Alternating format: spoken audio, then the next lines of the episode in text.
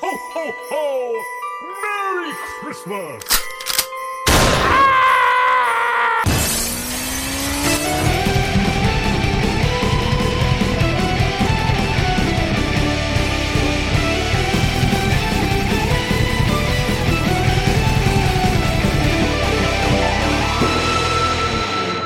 Hei, jeg heter Jul Jåle Juling, og dette her er Tordenjul, en dannelsesreise gjennom jul, jul og juli jul jul. Velkommen til årets siste episode, folkens. Som dere eh, sikkert husker fra forrige uke, og uken før det, og uken før det, eh, så er vi midt inni Nei, vi er ikke midt inni, vi er faktisk snart ferdig med årets juleplatebonanza. Tanken bak dette her har jo vært å prøve å se litt på konseptet heavy metal-julealbum, eh, der vi da startet med Mariah Carey sitt Merry Christmas-album, for å bruke det som en slags blueprint, og så har de to foregående ukene handlet om Rob Halford. Sine veldig irriterende og slitsomme juleplater Winter Songs og Celestial. Og nå i dag så har vi kommet til den siste spikeren i juletrefoten som vi skal komme til ganske straks. Men uh, for de av dere som ikke klarer å lese eller husker hva dere har trykt på, så er det da Twisted Sister sitt A Twisted Christmas-album fra 2006 vi skal snakke om. Men jeg tenkte vi skulle først Altså, det er jo det er jo årets og sesongens siste episode, så da, da, burde man sette av litt tid innledningsvis til å kontemplere litt, tenke litt på året som har gått, og, og spesielt ta og prøve å pinpointe på hvilken måte vi har skuffet og irritert hverandre. Jeg feirer mer Festivus enn jul, egentlig, når jeg tenker meg om, men uansett. Som jeg har vært inne på i løpet av de siste ukene, så virket dette her som en veldig god idé. Altså fem ukers julebonanza med én film og fire julealbum som uh, tema for desember. Men vet dere hva? Noen avgjørelser skal man reflektere over i ettertid. Uh, noen ganger så må man se på omgivelsene sine, uh, sin egen mentale helse, og ikke minst livene som har blitt lagt i grus, og ta ansvar for hva man har gjort. Og, og, ja, jeg har lært, jeg har lært et og annet, men det, er, det fascinerende er at jeg i løpet av de siste tre ukene har begynt å få et varmt minne om tiden da jeg hørte på Mariah Carey. Og det fikk et grøss til å gå gjennom hele min kropp og sjel. Eh, ikke fordi at Mariah Carey er jævlig. Um, som jeg har vært inne på, det er helt ok å være uh, bepuppet syngedame, og jeg har ikke Jeg kan ikke nok om den artisten til å egentlig skulle si noe spesielt fordomsfullt om henne, annet enn det jeg nettopp gjorde, da, selvfølgelig. Og jeg er voksen nok til å tenke at hun er sikkert ok, og jeg hadde som sagt en fin opplevelse med å høre på noe jeg ikke kunne noe om, og ta litt lærdom av det. Som har vært noe av poenget med dannelsesaspektet av dette showet her. At eh, jeg har brukt mye tid på heavy metal, jeg har brukt mye tid på eh, actionfilmer fra 80-tallet, og det er greit å få utvidet horisontene sine litt. Men som jeg òg har vært innom, og da spesielt i Rob Halford-episodene, så har noe av begrunnelsen for temaukene vært at jeg er opptatt av å undersøke hvor langt heavy metal-strikken kan tøyes før han ryker. Uh, og den har jo røket opptil flere ganger på det som Rob Halford gjorde. Uh, og rett før innspilling nå så innså jeg at det kanskje òg er en annen strikk som har røket, nemlig den som er inni mitt hode. Og dere vet jo selvsagt at podkastyrket er både lukrativt og konkurransedyktig, og det er jo ikke uvanlig å håve inn både en liten kald million og to til tolv groupies i måneden, eh, men for å holde beina godt plantet på jorden, så har jeg òg hatt en liten deltidsstilling som jeg prøver å holde ved like, samt pleie sosial kontakt med andre mennesker i ny og ne. Eh, og jeg mener å huske hvordan sånne ser ut. Uansett, vanligvis pleier jeg å spille inn en god del episoder i forkant av sendeplansukene, sånn at jeg har litt tid til andre ting innimellom, men eh, denne gangen så har jeg gønnet på med én episode i uken, og det tar litt på. Grunnen til at det ble sånn, er litt sånn mangefasettert, men man eh, plutselig kommer livet i veien, sant, og så eh, har man ikke så god tid som man trodde. Men for å komme tilbake til denne strikken. Den strikken som har røket i hodet mitt, er nok min famøse heavy metal-kuriosa-strikk. Eh, altså den som holder sammen viftereimsforkoblingen og dysleksiflensen i det legene kaller prepubertal cortex. Jeg, jeg, tror rett og slett ikke den menneskelige, eller den umenneskelige for den saks skyld, eh, hjerne er laget for å tenke så mye på kombinasjonen mellom heavy metal og julemusikk som det jeg har utsatt meg for denne måneden. Derfor har jeg eh, bestemt meg for å donere hjernen min til Rockheim Hall of Fame etter sending. For vitenskapens skyld. Og dersom jeg får han tilbake i tide, så kommer det nye episoder, gjerne med noe som rimer på Schmanwar-relaterte tema, i løpet av første halvdel av 2023, men jeg kan ikke love når. Det blir uansett en liten pause. Um, en annen konsekvens av de siste ukers uh, hendelse er at jeg vil prøve så godt jeg kan å avslutte dette prosjektet, året og sesongen litt lystigere enn det forrige episode la opp til. Og som dere husker, forrige episode var ganske langt ned i kjelleren, uh, selv om jeg insisterte på at det var på en oppadgående kurve. Uh, jeg var vel inne på noe sånt som at enkelte av låtene på det albumet, og på begge de Rob Halford-albumene for så vidt, var så jævlige at de forpestet alt som var rundt, og jeg lurer på om jeg hadde min mentale helse litt for nært det materialet i både geografisk og metafysisk forstand i den perioden der.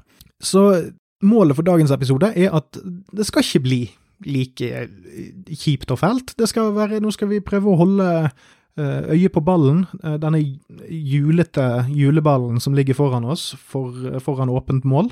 Eh, og så skal vi bare skal vi bare snakke litt om Twisted Sister og, julealbumet deres, men ikke gå så langt ut på viddene eller ned i materien, eller, eller julegrauten, om du vil. og, og, heller bare se på det store bildet, prøve å trekke i noen tråder, trekke noen snorer.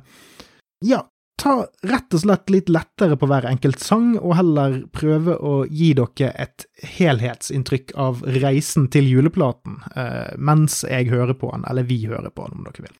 Så jeg kommer nok kanskje til å snakke om hver enkelt låt, men det kommer til å være mer en slags um, Det kommer til å være mer i retning av litt sånn stream of consciousness uh, gjennom det hele.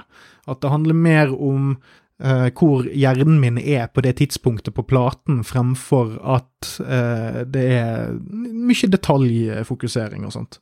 Og jeg tror det er en vinnerformel, om jeg så må si det sjøl. Men da, nok om det, nå går vi over til dagens tema, som da er A Twisted Christmas fra 2006. Men la oss først snakke bitte litt om Twisted Sister. Twisted Sister var et band jeg avskrev kriminelt lenge og det kommer nok av at jeg er Jeg er nok av det man kan kalle etterkrigsgenerasjonen. Altså, jeg er vokst opp etter krigen mellom hair metal og thrash metal. Jeg har vokst opp i ruinene av den. Og som en konsekvens av det så var min gruppe med metalheads veldig opptatt Altså, vi arvet denne her hair metal versus de litt hardere greiene. Eh, og Twisted Sister var litt sånn som Wasp, selv om jeg fant Wasp mye tidligere, um, så, så havnet de sammen med puddelrockerne. Helt uten grunn, egentlig. Det var Jeg gikk i samme fellen som Twisted Sister sine haters på 80-tallet gjorde. At jeg tok bare imaget og de to-tre veldig kjente låtene jeg visste om, og så bare baserte jeg alt jeg mente om Twisted Sister på det.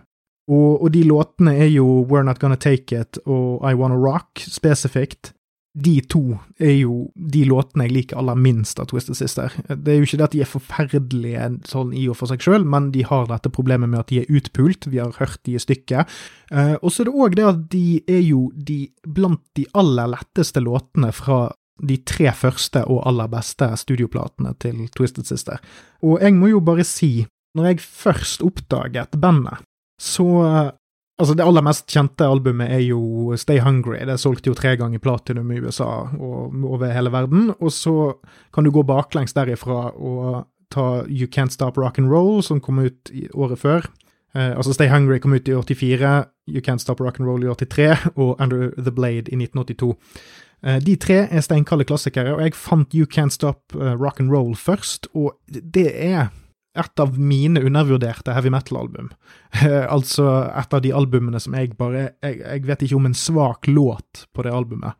Uh, og så har jeg ikke hørt det i stykket. Jeg føler ikke at jeg kan det inn og ut. Og jeg er ikke en sånn Twisted Sister-fantast som kan alt om bandet, alle ins and outs, men de tre platene der er knallsterke. De har jo ikke lagd så mange flere plater enn det. De slapp Out and Play i 1985, og da var det på en måte slutt. Eh, da droppet de rett ned til å selge til gull, bare et år etter at de hadde trippelplatinum.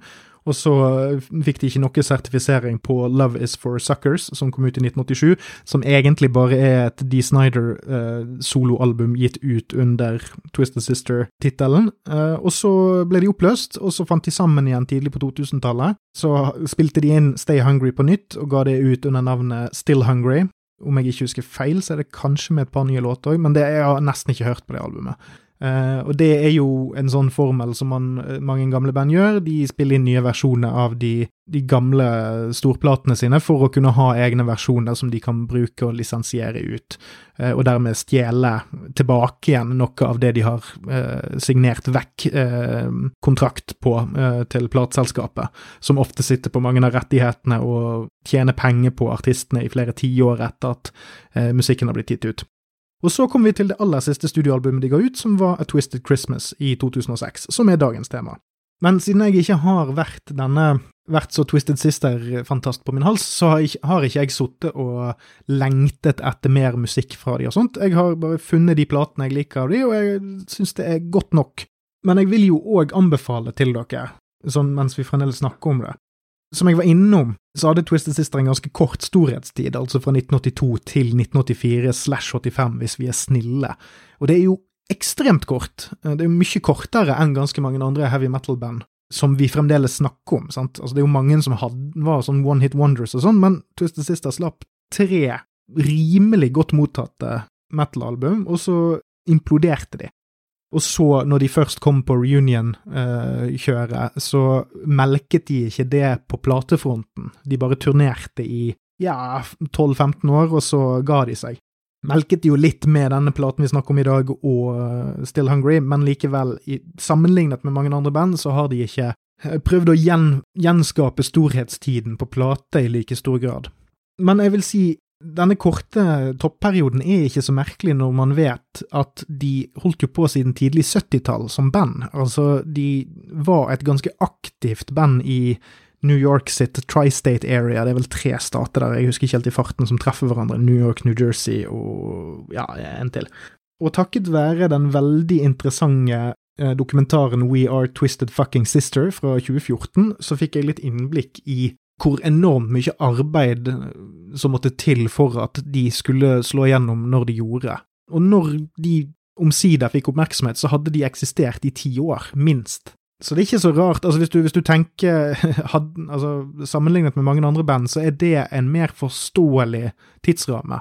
At de var aktive og jobbet drithardt i pluss-minus 15-16 år for å komme seg dit de eh, til slutt havnet. Og da er ikke det så rart at de da imploderer. Da er den timeframen ganske lik en god del andre band. Altså, da, De holdt sammen lenger enn Kiss gjorde, egentlig. De holdt jo bare sammen fra 73 til eh, ja, maks 79-80, med originalbesetningen, alt etter som hvordan du ser på det. Og det som da der var den bunnsolide klassiker-æraen, var jo en, en enda kortere timeframe enn det igjen. Eh, vi skal ikke snakke så mye om dokumentaren, men vi kan, vi kan si det så at eh, ta, hvis du ikke har sett den, og du er bare vagt interessert i Twisted Sister, så er den eh, varmt anbefalt fra min side. Det jeg nevnte med dette Tri-State Area-opplegget, bare for å avslutte denne biten, eh, så er det det at du kunne tjene ganske greit på å være et sånt Weekend Warrior-band på 70-tallet i metropoldelene av, tre, av, av New York. Du kunne reise rundt til ulike eh, dive bars og konserthaller og sånt, og så kunne du spille som en del av en lineup, du kunne bygge deg opp et ry, eh, og noen av de bandene kunne, uten å slå igjennom nasjonalt eller internasjonalt, eh, tjene greie penger på å bare seile ut 20- og 30-årene sine på å være, sånn, være sånn lokale helter. Så den, den, dokumentaren har en veldig fin sånn gjennomgang av hva det betyr å, å, ville satse, og det å ville noe mer enn det som er umiddelbart foran deg, eh, og prioriteringene du er nødt til å gjøre eh, for å ja, slå igjennom. Og eh, det er en grunn til at den dokumentaren har vært med meg en stund. Den er kanskje litt lite kritisk til bandet til tider, men til gjengjeld så får du masse intervjuer og, og dypdykk ned i den ukjente perioden til Twisted Sister. Dokumentaren, så vidt jeg husker, slutter omtrent når de slår igjennom, og det er et ganske unikt perspektiv på et band, syns jeg. Men det, vi skal ikke snakke om dokumentaret i hele dag, og nå har jeg brukt lang tid på å rettferdiggjøre valgene mine. Så la oss snakke om konseptet julealbum og hva vi har å forvente fra julenissens eh, bagasjerom i dag. Jeg har jo prøvd å naile dette ned til noen kriterier for et julealbum, som vi kan bruke til å se på eh, det vi skal snakke om i dag. Og det er det at et typisk julealbum inneholder tre kategorier av musikk. Det ene er at man skal covre steinkalde klassikere, altså de som er evige, litt sånn opphøyde, de som alle kjenner til. Så skal du covre nyere, spreke juleklassikere, gjerne fra 60-70-tallet, men det kan hende vi kommer inn på en ny kategori i dag. Eh, og originalkomposisjoner i én av de to første kategoriene, altså at artisten lager sin egen versjon som passer inn i en av, en av de to. Og så kan vi snakke litt om forventninger, fordi nå har jeg jo bygd opp litt gjennom min veldig veldig lange introduksjon her, at uh, forventningene mine er ganske langt nede i gjørmen. Jeg har hørt dette albumet én gang for tolv år siden, kanskje, og avskrevet det totalt. Men jeg husker òg at dette her er vel Det hadde litt blest eh, om seg når det kom ut, dette albumet her. For det var på en måte en av de første av sin art eller av sin type. Altså, I hvert fall den første som fikk veldig mye oppmerksomhet, og jeg tror Twisted Sister i den, altså, De ble jo aldri så store igjen på 2000-tallet som de var på 80-tallet, men jeg tror de klarte å melke noen eh, kroner og dollars ut av dette konseptet her. Så det er nok definitivt det mest kjente albumet av de tre heavy metal-albumene vi dekker her. Det har ikke solgt til gull eller noe sånt, men det har tjent sikkert en grei kronasje til eh, de og JJ sine pensjonskasser. Og, og dermed så er forventningene mine litt sånn vagt positive, i den forstand at jeg, jeg, mistenkte i forkant at dette her var en litt mer jolly affære enn det Rob bydde på.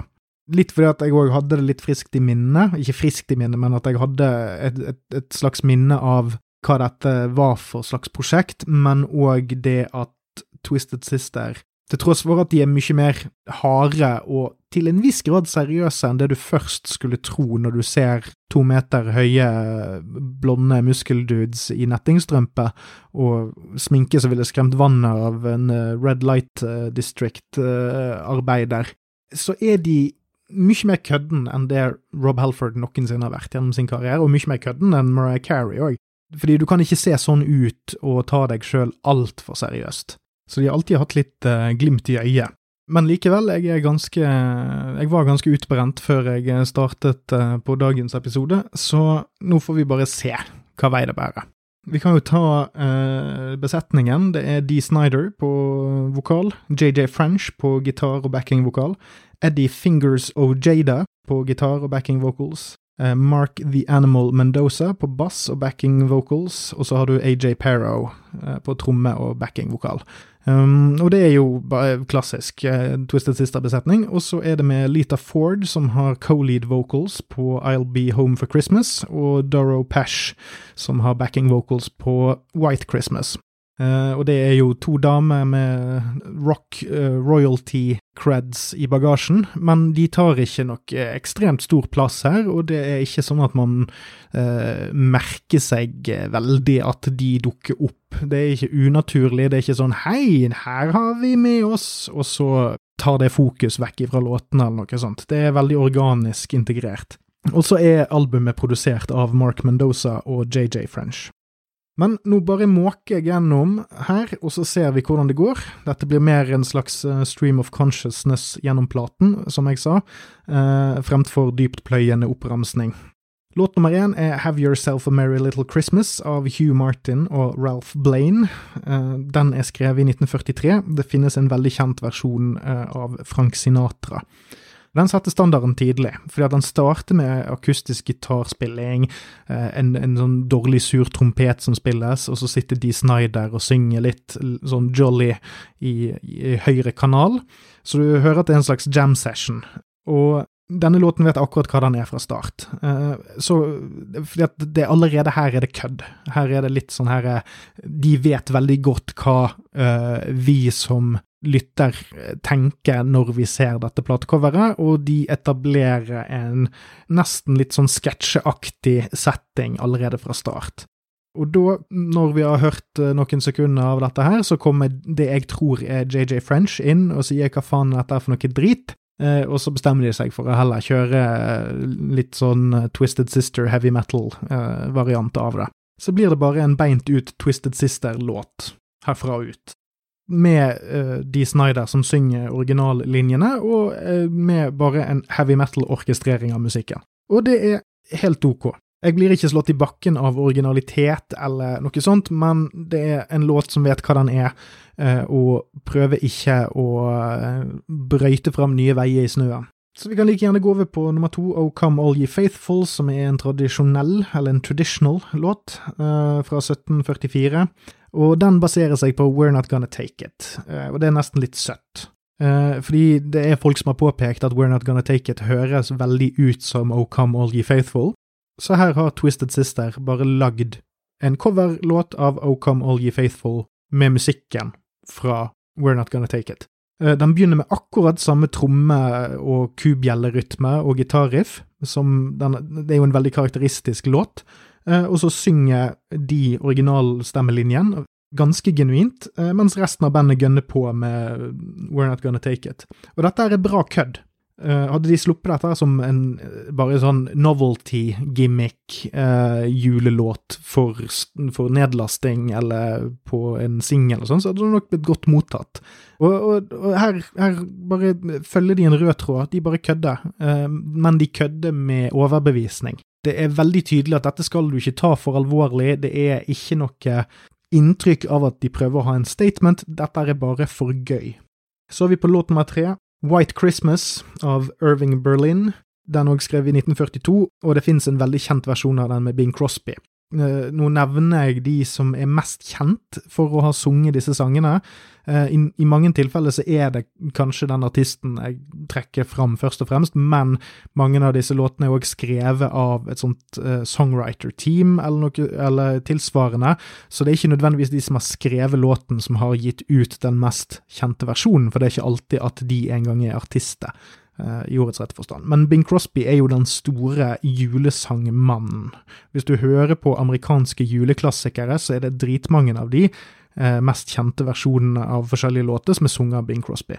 Og det er òg et gjennomgangstema på dette albumet, at det er låter man eh, det er veldig lett å pinpointe hvem det er som har, det er veldig lett å pinpointe at man har hørt en variant av det, og mest sannsynlig den versjonen som de har latt seg inspirere av. Og denne her har igjen ganske standard tidlig Twisted Sister-riffing. Uh, den igjen kjører de ganske vanlig melodi, altså White Christmas-vokallinjemelodien. Uh, og ganske ikke så, ikke så, veldig mye sånn heavy metal-staffasje på det. Altså han, han, har jo den stemmen han har, og han har en ganske distinkt og kraftig heavy metal-stemme, men han synger disse sangene stort sett det er rocket, men det er ikke sånn at han går Eh, beint over i den mest eh, kraftfulle eh, bein, sånn, brystkasseblåsingen som han har, i motsetning til det Rob Halford gjorde. Det, det, er generelt sett veldig lite brifing her. Og dette er en ganske pussig låt. Er, det er en rimelig sterk heavy metal-låt her, som jeg gjerne skulle hørt uten julesang over. Og her tenker jeg spesielt på bridgen som kommer etter hver runde med vers og refreng. Eh, resten kan bli litt repetivt, men det er helt ok. Og de klarer å fortsette å bære på denne fjasetonen som albumet har, uten å overstay their uh, welcome her. Så låt nummer fire, I'll Be Home for Christmas, av Walter Kent Buck Ram og Kim Gannon. Uh, og skrevet i 1943, og en veldig kjent versjon av Bing Crosby.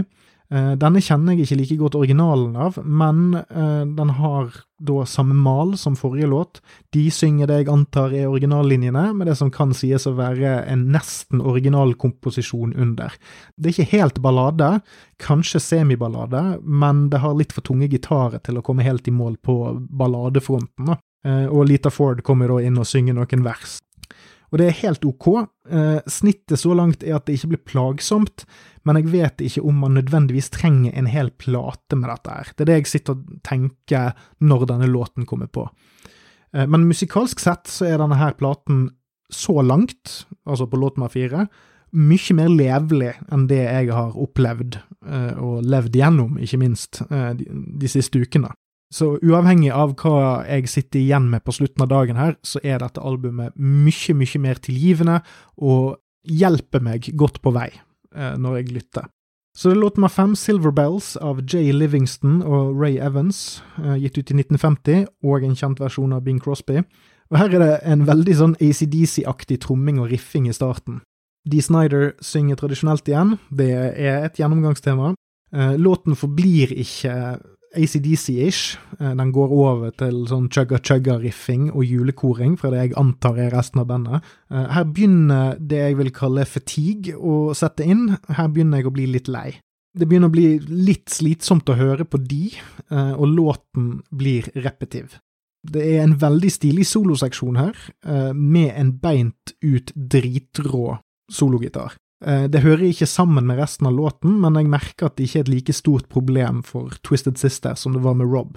Det har nok noe med tilnærmingen å gjøre, at uh, Twisted Sister har en så klar visjon for hva de gjør, og ikke tøyer denne famøse strikken forbi det punktet, uh, og at materialet er generelt sett mer sekulært. Det handler rett og slett om det man kan kalle amerikansk non-denominal, eller non-denominational jul som er det at julen er for alle, eller julen er for alle som er sånn om du ikke er kristen, så er du, er du kulturelt kristen. Eh, at det handler mer om eh, høytiden i seg sjøl, og ikke nødvendigvis alltid budskapet. Eh, at det handler om stemning, det handler om landskap, det handler om familie, det handler om å sitte Ja, chestnuts eh, roasting over an open fire. Fyr i peisen, eh, varme gensere en veldig hvit eh, juleplate, for å si det sånn. Eh, det er veldig basert på at det snør der du feirer jul. Og, og selv om Dee Snyder er kristen, eh, og det er han, ganske dypt personlig, avholdsmann, på tross av det så har ikke bandet gått for lovsang. Og det er nok en vesensforskjell på det man kan kalle det ideologiske planet, om dere tillater meg å være litt svulstig på dette her og Rob, Hel uh, Rob Halford sine plater at det rett og slett ikke går like dypt ned i Jesusheten. Og det redder denne platen i veldig stor grad. Det gjør at platen ikke får disse øyeblikkene av kognitiv dissonans. Og de få gangene ting faktisk handler om Jesus, så er det fremdeles i denne stemningen av eh, at julen er for alle. At det handler mer om fortellingen, det handler mer om det store bildet av hva det kan representere for eh, deg og menneskene rundt deg, og ikke nødvendigvis din kontakt med en skaper, eller at du står i ærefrykt til eh, evangeliet, for eksempel. Da er vi over på låt nummer seks, I Saw Mommy Kissing Santa Claus av Tommy Connor, skrevet i 1952. Det er mange kjente versjoner, blant annet en veldig kjent en av Jackson 5. Denne låten har nok den hardeste chuggeversjonen av denne sangen som eksisterer. Uh, og når jeg sier det, så fikk jeg litt lyst til å høre Bursum sitt julealbum, hvis uh, Varg Vikernes klarer å uh, fri seg fra å være rasist på heltid nede i Frankrike mens han dyrker poteter på avføringen sin.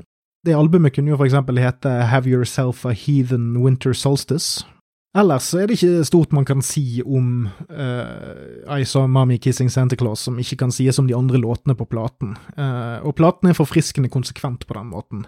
Har du først uh, kjøpt det Twisted Sister selger på første låt, så klarer du å komme deg gjennom resten uten altfor store problemer.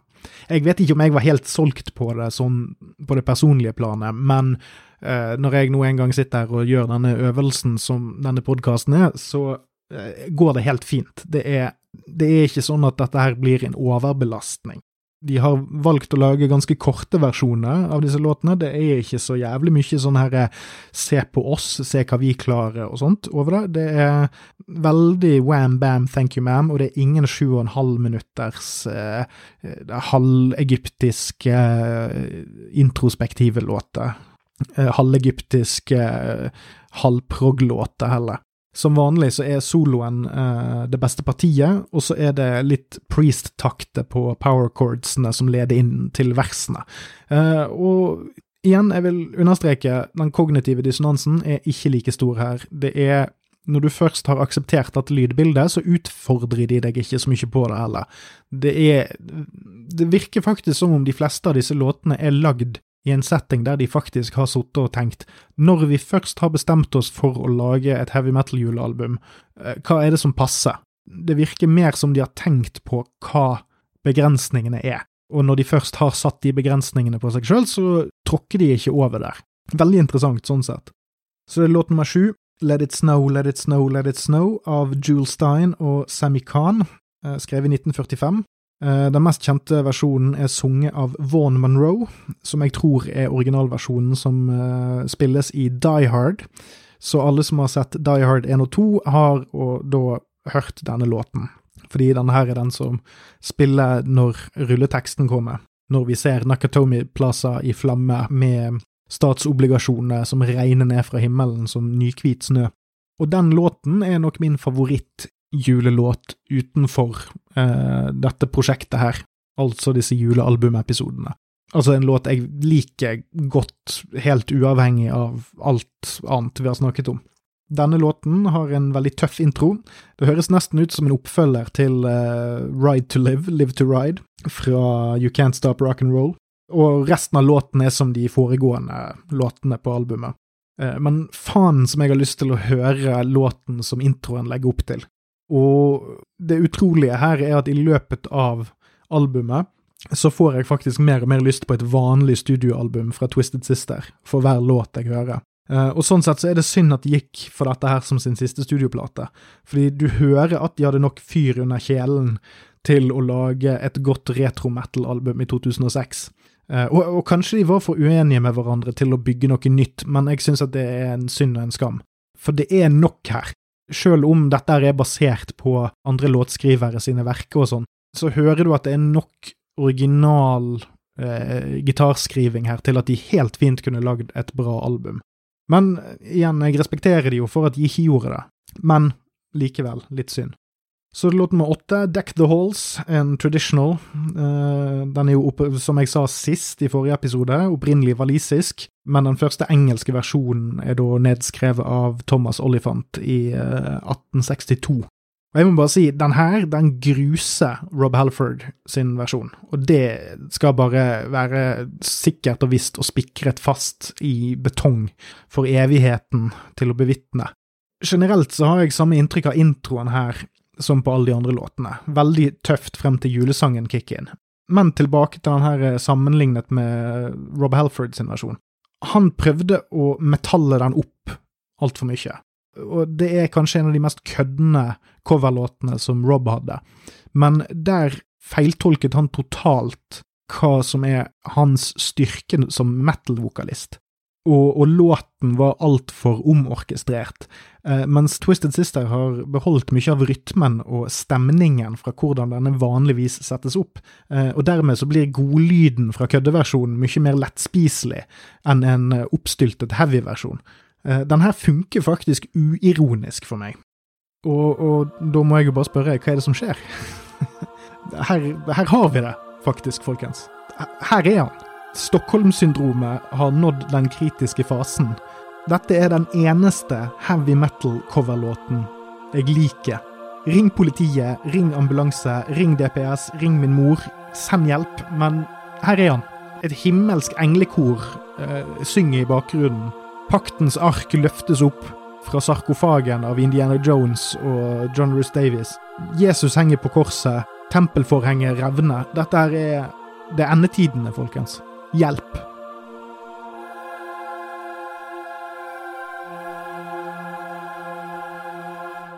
Så det er låt nummer ni, The Christmas Song, eh, eller Chestnuts Roasting on an Open Fire av Robert Wells og Mel Tormay. Skrevet i 1945. Den mest kjente versjonen er av Nat King Cole Trio. Uh, og dette er den eneste låten jeg får inntrykk av at de har twistet det til.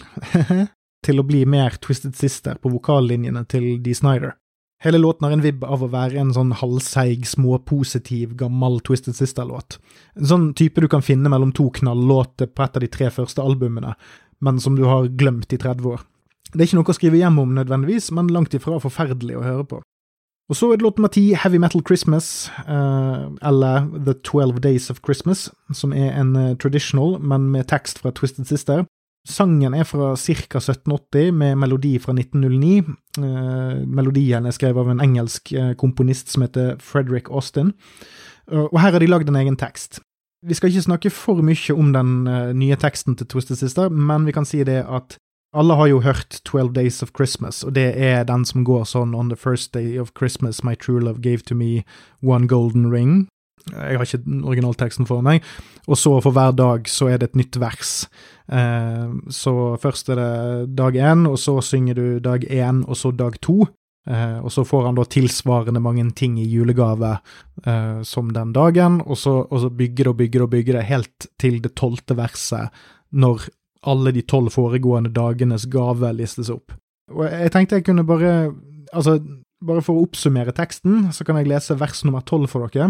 On my heavy metal Christmas, my true love gave to me twelve silver crosses, eleven black mascaras, ten pairs of platforms, nine tattered t-shirts, eight pentagrams, seven leather jackets, six cans of hairspray, five skull earrings, four quarts of jack, three studded belts, two pairs of spandex pants, and a tattoo of Ozzy. Jeg skal ikke våge meg på å synge den, fordi at uh, jeg vil feire nyttår utenfor en glattcelle, men, men det er i hvert fall den Altså, det, det, forteller deg noe om hva type sang dette er, sant? Altså, det, det, nå, nå kjører de kødd fullt ut for å avslutte platen. Og den her er veldig slitsom. Det er den verste sangen på platen. Og det skyldes hovedsakelig at hele bandet synger, og ikke spesielt bra. Sjøl Dee Snyder høres grusom ut her, eh, men det holder køddefaktoren høy. På mange måter avskjedslåten, eh, og liker du heavy metal-kødd, så er dette her toppen av pinnekjøttkaken, liksom. Det er Dette er sangversjonen av en Motorhead-julegenser. Det er, det er ikke meningen at det skal være fint, det er faktisk litt meningen at det skal være stygt. Uh, og de har gått veldig inn for å gjøre han stygg, og når du først lager en heavy metal-juleplate, så kan du i hvert fall lage én låt som er så stygg som folk forestiller seg at all musikken der er. Og det er denne låten. Og jeg hater den nesten, men jeg kan ikke la det trekke ned heller.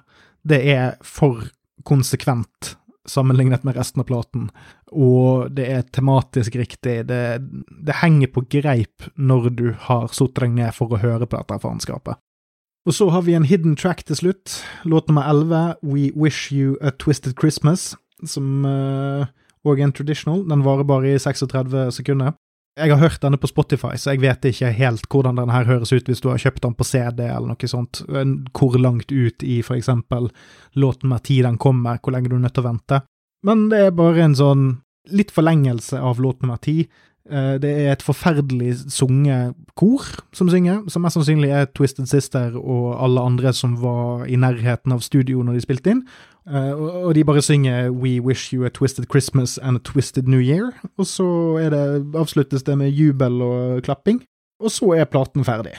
Og du sitter igjen med akkurat den følelsen du skal ha etter å ha hørt et jævla julealbum av Twisted Sister. Noe som eh, bringer oss til total spilletid. 42 minutter. Føles ikke lang, den er akkurat passe. Og det sier jeg som en som i utgangspunktet ikke nødvendigvis kommer til å høre på denne platen her noe spesielt fremover, annet enn for å plage foreldrene mine. Men den vet akkurat hvor lang den skal være. Og da er vi jo ferdig med låtene, og da må vi jo tenke litt høyt om dette her. Har Twisted Sister et nært forhold til disse låtene? Ja, det høres ut som om de kan de, det høres ut som de vet hva de skal gjøre med de. Men det høres òg ut, som jeg har sagt, ikke ut som de har eh, noe mer mening med det annet enn å lage et køddent julealbum. Og det gjør òg at det høres genuint ut. Det de har valgt å gjøre, har de klart å få til. Um, og bandinnsatsen er knallgod. Denne platen her er mye mer en bandinnsats, og Twisted Sister er mer et band enn Rob Halford solo og Mariah Carey er all musikken her høres ut som en felles innsats, eh, der alle faktisk har bidratt med noe, eh, og det noe er å bare lage rock-heavy versjoner av julelåter. Og det har de gjort. Og, det føles mer som en, eh, en bandinnsats, sjøl om dette her er Dee Snyder og JJ French sitt band. Og det er jo òg produsert av Mark Mendoza, så det er mer Det høres ikke ut som om at det er én av bandmedlemmene som har brent for dette, og så henger alle de andre med på eh, bare for å være grei. Det, det, høres ut det høres i hvert fall ut som om de, flere enn de som har mest makt i bandet, har syns at dette er helt ålreit å holde på med. Og spesielt, jeg vil trekke fram at trommene til AJ Pero uh, har mye mer særpreg og personlighet på denne platen enn det jeg kan huske av noen av de tre foregående uh, platene. Det, det er mye mer pers og, og det, det kan jeg òg si om gitarene og bassen, kanskje, og, og, sånt. Det er mer personlighet her i hver instrumentrekke enn jeg kan si eh, har vært tilfellet på de andre platene. Så kan vi jo tenke litt høyt her. Altså, hvem er Altså, hvilke marked er det dette er sikter mot? Du har jo disse tre, tre kategorier, sant. Det er pop eller allmennheten, og så har du julemusikkfans, og så har du Twisted Sister-fans. Og når det kommer til pop eller allmennheten, så er dette mye mer siktet inn mot de enn det Rob sine album var. Uh, ikke i like stor grad som Mariah Carey sitt var, men uh, for å forklare det litt, så er det det at dette var et av de første Altså, jeg, ikke siter meg på det, da, men dette var et av de Vil jeg våge meg til å si, eller spekulere i, et av de mest sånn profilerte, i hvert fall, da, eh, heavy metal-julealbumene. Og det er òg da med et nostalgiband som hadde litt traction på det tidspunktet de ga den ut på. Twisted Sister, om de ikke liksom rulet verden, så var de De var tilbake. De var Twisted Sister igjen, og de hadde det gøy og var litt sånn weirde.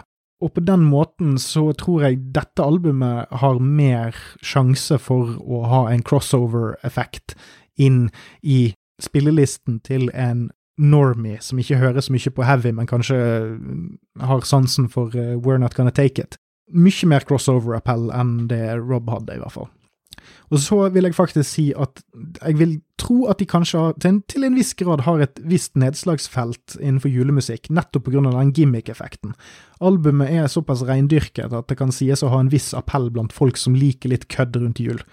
De kan være litt slitsomme å høre på iblant, eh, nær de mer genuine tonene, Han kan høres litt sytete ut, litt sånn som Rob Halford, eh, men at hvis du først ikke tar julen så jævla seriøst, så er dette noe som helt fint kan få innpass der. Og vil denne platen være for eh, Twisted Sister sine fans? Ja, i hvert fall i mye større grad enn Rob Halford sine plater er for hans fans. Selv om mange sikkert vil kunne si at det på litt samme måte som meg, at man skulle ønsket at de kanskje heller lagde et, et vanlig originalt studioalbum som sin siste studioplate, men liker du Twisted Sister, så er det en viss sjanse for at dette vil appellere til deg på i hvert fall en sånn køddemåte. Og det syns jeg peker på hvordan denne køddetonen egentlig har vært med å hjelpe albumet, eh, som jeg nesten forutså litt på de forrige episodene, at med en gang du ikke lar deg trekke ned av at du prøver å imponere folk, men heller fokusere på hva er dine styrker, hva er det du gjør med disse låtene i dette prosjektet. Eh, og det har fungert her. Og så kan vi gå tilbake igjen til disse her eh, kriteriene våre. Punkt nummer én, covre steinkalde klassikere. Eh, det har de omtrent bare gjort. Det er ingen obskure låter her, og alle er relativt nye. Som leder meg over til kriterium nummer to, covre nye, spreke juleklassikere. Eh, og det, det er litt interessant med dette albumet, fordi det, det er ikke en eneste låt som er gitt ut etter 50-tallet, og ganske tidlig på 50-tallet at that.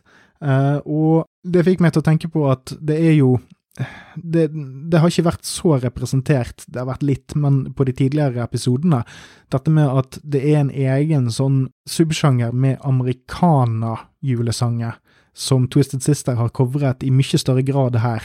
Disse her eh, Bing Crosby, uh, Nat King Cole, uh, Let It Snow-låtene, som gjør dette her til en mye mer amerikansk greie, og, og da hjelper albumet til å da være i en litt mer lettbeint tradisjon. Det er mer sekulært, det er mindre Jesus i monitor. Og så er det det at de har vært så greie at de har hoppet helt over kategori nummer tre, nemlig originalkomposisjoner i en av de to første kategoriene. De har lagd noe køddelinje og egen tekst på et par steder, men låtene er låtene, og det er et par stykk som er et par hundre år gamle, men bortsett fra det så er det stort sett ting fra midten av forrige århundre, altså i det store bildet relativt nye. Og jeg vil bare understreke tusen, tusen, tusen, tusen takk til Twisted Sister for at de ikke lagde en eneste jævla originallåt. Det setter en ny standard for denne serien, og jeg er evig takknemlig for det. De visste at det var en jævlig dårlig idé. Og så kan vi tenke, altså, tilfører dette noe nytt? Nei.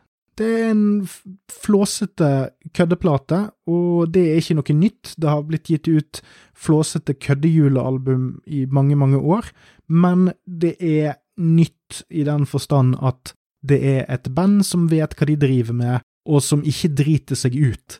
Og det er noe nytt i denne serien, i hvert fall, hvis vi ser vekk fra Mariah Carey. Er det et godt julealbum? Både ja og nei, eh, og det tror jeg er med 100% overlegg. Eh, er det et godt album for denne artisten? Både ja og nei, og det tror jeg er med 100% overlegg.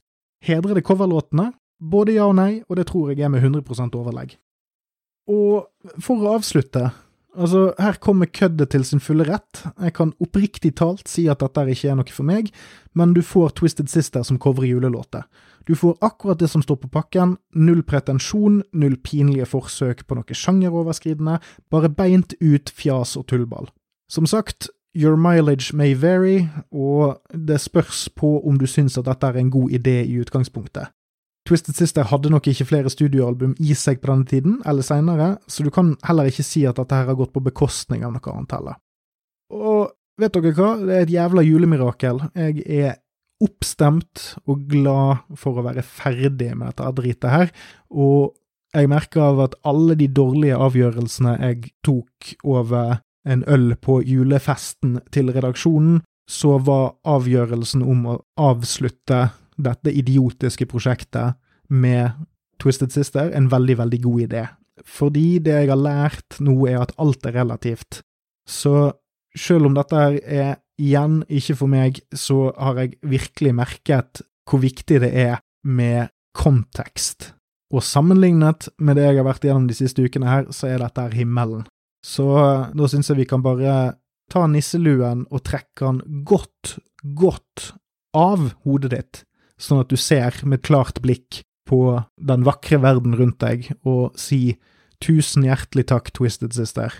Julen er reddet. Så da, folkens, får dere ha en fortsatt god jul og et forjævlig nyttår, og så snakkes vi i løpet av de neste mellom tre til seks månedene. Så skal jeg gå og deck the halls with wimps and posers, og så snakkes vi på. God natt. O helganatt, om du vil.